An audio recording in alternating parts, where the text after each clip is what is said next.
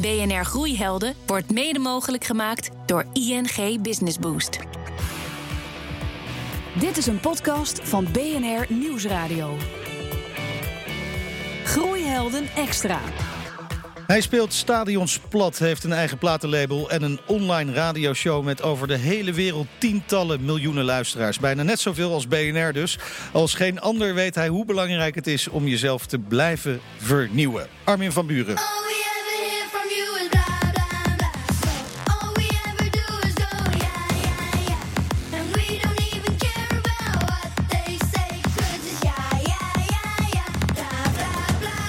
Ja, klinkt eh, lekker. Armin van Buren, van harte welkom. Hallo. Ja, leuk dat je er bent. Je luistert naar een eh, podcast eh, van Groeihelden Extra. Mijn naam is Meindert Schut. En ik sta hier vandaag op Business Boost Live in Rotterdam Ahoy. Een groot ondernemersevenement. Met nu dus de vijfvoudig nummer 1 DJ ter wereld, Armin van Buren. En er zullen toch wel mensen zijn die zich afvragen... wat doet een DJ op een ondernemersevent? Ik denk dat heel veel mensen bij het woord DJ toch denken aan die barman eh, die biertjes staat te tappen en eh, die eh, snel even wat, wat top 40 hits erin knalt. Zo ben ik ook begonnen. Oh ja? Maar inmiddels is dat hele vak van DJ natuurlijk een, een topsport geworden. Ik denk dat de meeste mensen wel bekend zijn met de verhalen van de Nederlandse DJ's die wereldwijd de stadions plat spelen. En eh, ja, dat zijn niet meer de, de kleine clubjes van vroeger. En dat is ook niet meer de barman, eh, de veredelde barman Nee, die staat nee. te draaien. Ja, het is een hele eh, business geworden. En wat dan met name de business is, ja, is bijvoorbeeld het hele team wat ik meeneem. Tegenwoordig is een, een DJ-set niet meer een kwestie van plaatjes draaien, maar er komt een hele show omheen. Dus je hebt te maken met een hele grote lichtshow die met je meereist, vuurwerk wat afgestoken wordt, artiesten die met je meereizen. Ja, je staat vaak voor eh, 30, 40.000 man. En dan ja, hebben mensen toch wel een bepaalde verwachting, zou ik maar zeggen. Ja, maar, maar ik kan me voorstellen dat veel mensen denken dat een eh, grote DJ een beetje wordt geleefd. Maar jij neemt heel duidelijk de teugels zelf in handen als ik het zo hoor. Ik ben een enorme muziek van. En ik ben eigenlijk van nature geen ondernemer. Ik ben jurist, ben afgestudeerd jurist eh, auteursrecht toevallig. dat was wel Oh, handig dat achteraf komt te wel zien. goed uit, ja. Ehm, maar eh, ja, ik heb, die, ik heb die ontwikkeling in die, in die industrie heel erg meegemaakt. Vroeger was het zo dat de DJ was degene die de plaatjes draaide. En de producer, dat waren de, de, De ondernemers. de nerders, de nerds die achter de DJ stonden in de hoop dat de DJ die plaat zou draaien. Ja, ja, ja. Tegenwoordig zijn het eigenlijk de nerds die achter de draaitafel staan. Die, eh, daarmee bedoel ik eigenlijk te zeggen dat je je eigen muziek moet maken. Eh, de meeste muziek die ik draai, die maak ik zelf. Of zelf samen met anderen. En eh, de show die ik maak, daar ben ik zelf ook verantwoordelijk voor. Dus ja, het is niet meer een kwestie van je drukt op play, je doet je handen in de lucht, je pakt een microfoon en je zegt wel hoe gezellig het is.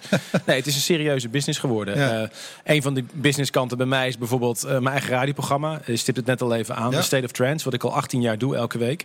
Dat was vroeger gewoon een radioprogramma in een klein studiootje in Amsterdam. En dat is inmiddels uitgegroeid op 100 FM-stations wereldwijd. Met 40 miljoen luisteraars verdeeld over, ja. over al die FM-stations. En sinds twee jaar doen we dat ook met beeld. Net als dat jullie dat doen eh, bij BNR. Eh, Elke donderdagavond om 8 uur is op YouTube eh, State of Trance live te volgen. En dat doen we ook op Radio 538. eh, elke Ja. week en dan in het Nederlands. En dat doe ik dus met speciale gasten.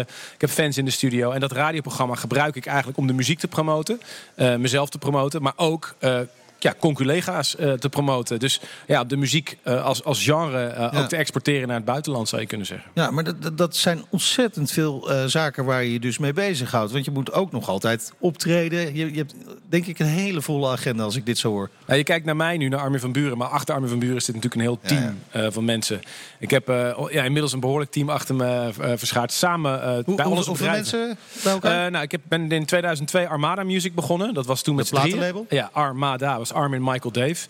En daar zijn we in 2004 eh, met Cloud9 bijgekomen. Cloud9 eh, focust zich meer op uitgavenrechten, publishing dus.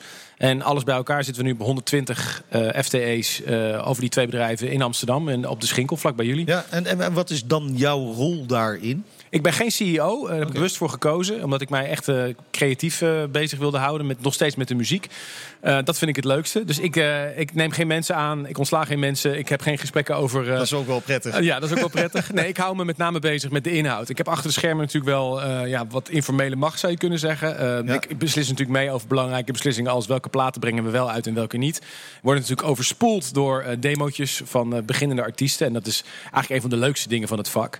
Maar het is inmiddels echt een, Ja. Een bedrijf geworden met juridische tak, met Ja. een social media tak, met een eh, ENR's afdeling. We hebben echt afdelingen nu en, en een kantine, dat is ook nieuw. Ja, daar moet je dan ook eh, over nadenken natuurlijk. Maar die, die jonge talenten, dat vind ik wel interessant. Hè? Want, eh, wat, was de laatste keer dat je er een topper uit hebt gehaald? Eh, deze week nog. We hebben weer een contract getekend met eh Zack Martino. En dat is dan gebeurd op ons eh, hoofdkantoor in New York. Want eh, we zijn sinds een aantal jaar ook echt daar een kantoor gestart. Eh, dus we hebben nu inmiddels acht man op kantoor in New York. Eh, we hebben een kantoor in Londen. En, eh, en dus in Amsterdam, waar onze hoofdvestiging is. Het is wel heel grappig om te zien. Dat vind ik misschien wel leuk om te vertellen. En misschien, wel leuk om te weten. Dat toen wij Armada begonnen in 2002... was 60% van onze omzet was vinylverkoop. Dus Ja. die grote zwarte Ja, schijf. ja, ja. Ik ken ze nog. En inmiddels is 60% van onze omzet streaming. En dat is even voor alle mensen die natuurlijk jaren klaagden over de platenmaatschappijen die eh, te veel geld zouden verdienen. Of waarom zou ik toch weer betalen voor cd's? Die hele muziekmarkt die heeft zich eigenlijk opnieuw uitgevonden. Ja. En het is best wel een revolutie geweest. Want eh, ja, we hebben, zijn erachter gekomen dat mensen niet langer muziek willen bezitten. Maar toegang willen tot muziek Ja. wanneer het... Niemand wil Ja. meer een dvd eh, kopen. Maar we willen die serie kijken op Netflix wanneer het ons uitkomt. Ja, hoewel die mooie oude vinylplaten, die staan nog wel steeds heel mooi hoor. Ja, ik heb daar ook een zwak voor. maar laten we eerlijk zijn. Draai ze alleen nooit meer bijna. Maar nee, goed, dat is... eh, digitale bestanden geven je creatief meer mogelijkheden. Maar ik heb laatst in de jaarbeurs in Utrecht een aantal weken geleden nog een vinylset gedraaid. En dat werd door heel veel mensen heel erg gewaardeerd. Kijk aan, eh, heel mooi toch? Wat ik wel hoor in je verhaal is dat er toch wel steeds verandering in zit. Hè? Je begon met dat verhaal van die, die man achter de bar die ook het biertje tapte en af en toe muziekje weg, eh, wegdraaide.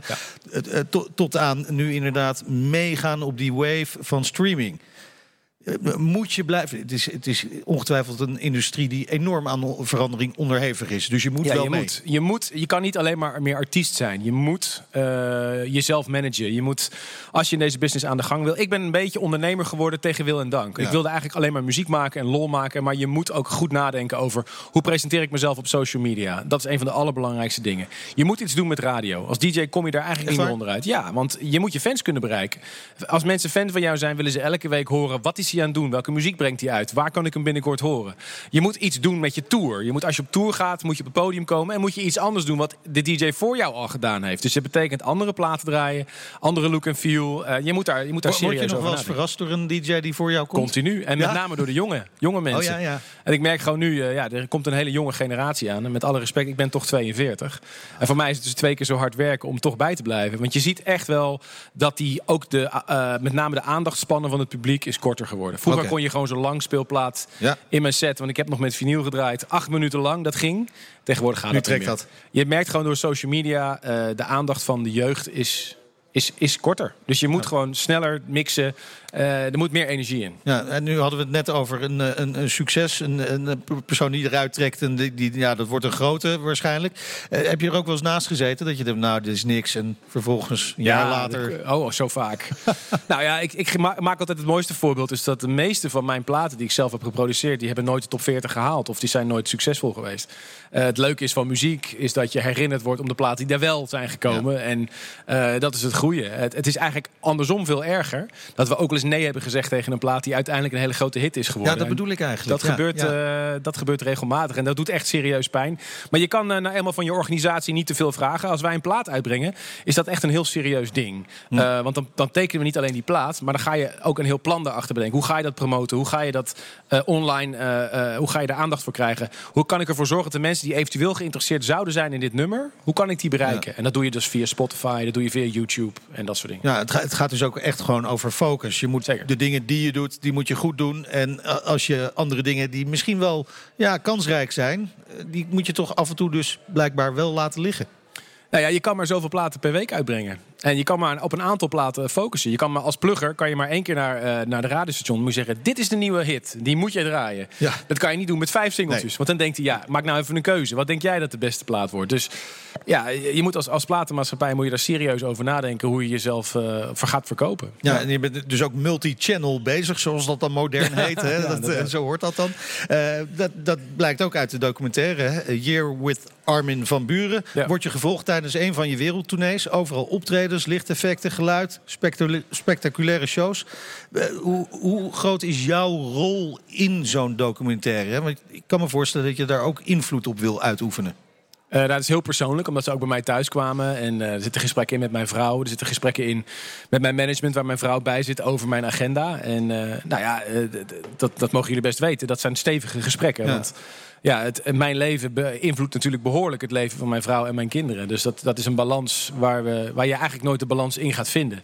Want als ik niet bij mijn vrouw en kinderen ben, dan vinden zij dat niet leuk. Maar als ik niet bij mijn fans ben, dan vinden mijn fans het niet leuk. ja. Dus, dus je moet eigenlijk, ja, daar, daar ben je continu mee bezig om daar een balans in te vinden. Ja, en dat, dat, dat lukt blijkbaar. Tot nu toe wel, ja. Tot nu toe wel. Zij hij met een glimlach. Ja, precies. Maar, maar eh, ik kan me voorstellen bij zo'n documentaire... want je zegt, sommige van die gesprekken gaan best wel diep... dan, dan schuurt het ook wel af en toe dus. En dat, Ja, je bent dat als moet artiest- ook wel, als je zo'n documentaire maakt... kan ik me ook wel weer voorstellen. Je kunt niet Ja, met een dat- gezapig verhaaltje komen. Nee, nee, mensen verwachten. Nou, ik, heb, ik heb een ding dat heet de Saturday Night Itch. Dat betekent als ik op zaterdagavond op de bank zit... dat ik eh, me gewoon niet kan ontspannen. Omdat ik dan op Instagram zie... hoeveel vette feest ik op dat moment aan het missen ben. Oh ja. En als ik op zaterdagavond wel op het vette feest sta... dan mis ik mijn vrouw weer. Dan mis Ja. ik mijn kinderen. Dus Ja. het is een soort... Maar ja, weet je, ik wil daar niet over klagen of te veel over klagen. Ik denk dat ik heb een waanzinnig beroep. Het is ongelooflijk wat ik allemaal mee mag maken. Over de hele wereld reizen. En zoveel mooie dingen meemaken. En uiteindelijk is, is de balans heel positief. Want ja, we maken toch met z'n allen hele mooie dingen mee. Ja, dit, programma gaat over groei. Het gaat over groeihelden. Waar, waar, waar zit eh, de groei in jouw... Nou, met name nu de focus, eh, de fo- focus zit nu op New York, op Amerika. Ehm, vroeger ik, had Azië verwacht eigenlijk. Azië dat daar ook de grote zeker. groei Ja, zou zitten. Daar hebben we nog geen kantoor, maar dat, eh, dat is wel wel zeer gebeuren? waarschijnlijk. Nou, eh, je merkt gewoon in Azië dat die markt is heel jong en heel erg opkomend. Ik durf zelfs te zeggen, op dit moment is Azië belangrijker voor de dance dan Amerika. Dat is echt wel iets wat het laatste jaar veranderd is. En waar komt dat door dan? Dat komt omdat de Chinese economie eh, enorm eh, veranderd is. Eh, er is door de overheid steeds meer ruimte voor dit soort muziek.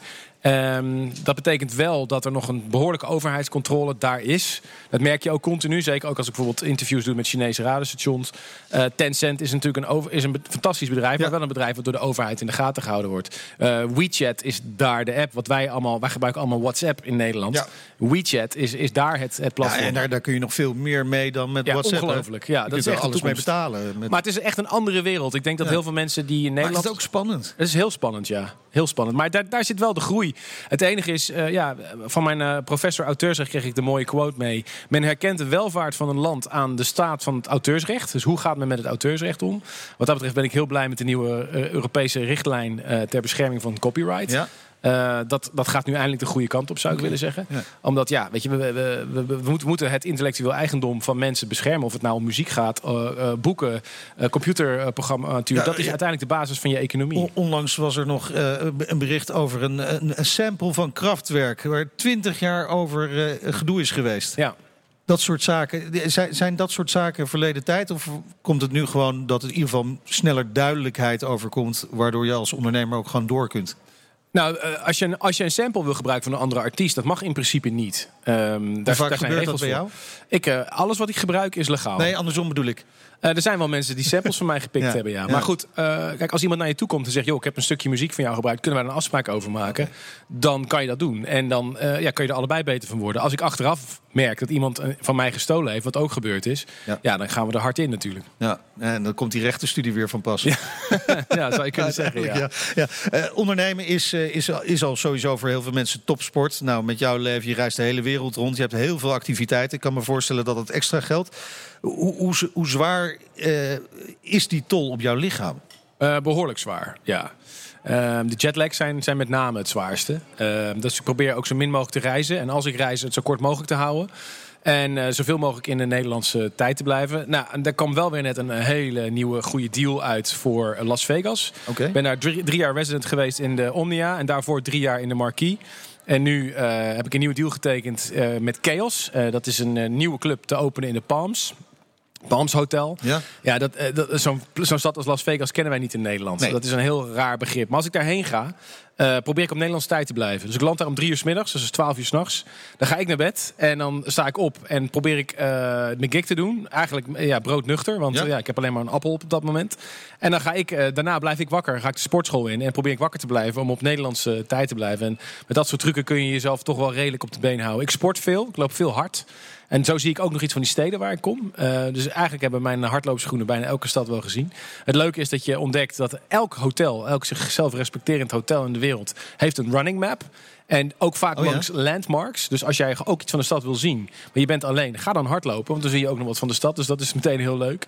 Eh, dus ja, je moet het voor jezelf een beetje leuk maken. Ik, ik kijk films en series eigenlijk alleen eh, als ik on, on the road ben. Ja. En tegenwoordig maak ik eigenlijk al mijn muziek in mijn hotelkamer. Oké. Ja. En dat, dat gaat gewoon makkelijk met... Ja, ja tegenwoordig, nou, de, de, de, de computers zijn eigenlijk eh, snel genoeg tegenwoordig om het te doen. Mijn, mijn single die je net even aan het begin van dit gesprek draaide, die heb ik letterlijk op mijn schoot eh, gemaakt in het vliegtuig van Shanghai naar Amsterdam. Eh, tijdens mijn tour vorig jaar in maart.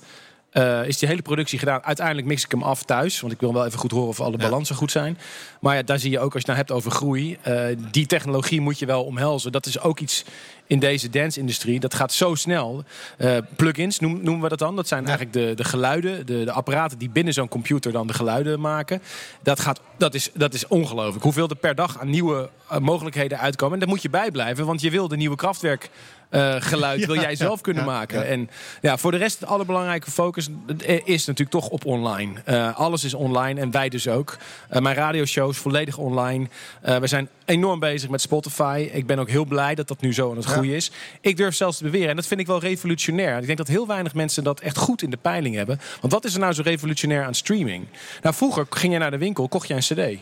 Of je die nou één keer draaide of duizend keer, dat Ja. maakt niet uit. Je betaalt hetzelfde. En nu, elke keer als jij op een liedje klikt, dan krijgt de auteursrechthebbende daarvan. Ik, dat systeem is dus eigenlijk ook veel eerlijker. En biedt ook perspectief op groei. Je ziet nu dat dat marktmodel zich wel nog moet uitkristalliseren. Op dit moment is het nog niet duidelijk wat nou een eerlijke prijs is voor de auteur. Dat is een gevecht wat je ook in het nieuws continu terugziet. Er zijn ook artiesten die hun muziek terugtrekken van Spotify. Ik vind dat zelf een hele spannende discussie. Want wa- wat is nou een eerlijk eh, bedrag voor een artiest? Ja. Hoeveel verdient een artiest nou eigenlijk? In Frankrijk denken ze anders over dan in Duitsland bijvoorbeeld. Maar dat kan alleen maar omhoog gaan. Ook het aantal leden van eh, Spotify is alleen maar aan het groeien. Dus dat is eh, een mooie, mooi, mooi ding. En er komen alleen maar eh, meer streamingdiensten bij, bijvoorbeeld ook van Apple en dergelijke. Ja. Volgens mij zijn we nog lang niet van jou af. En dat is maar goed ook. Dankjewel voor eh, dit inspirerende gesprek. Eh, dankjewel tegen mijn groeiheld, zeg ik. Armin van Buren, producer, DJ en ondernemer dus. Ben je op zoek naar meer verhalen over groei, ambities en het vinden van eh, mensen bijvoorbeeld? Luister dan ook naar onze andere Groeihelden podcast. Die vind je in de app van BNR, op onze website bnr.nl, in Spotify en iTunes. En voor nu zeg ik, lekker blijven doorgroeien. BNR Groeihelden wordt mede mogelijk gemaakt door ING Business Boost.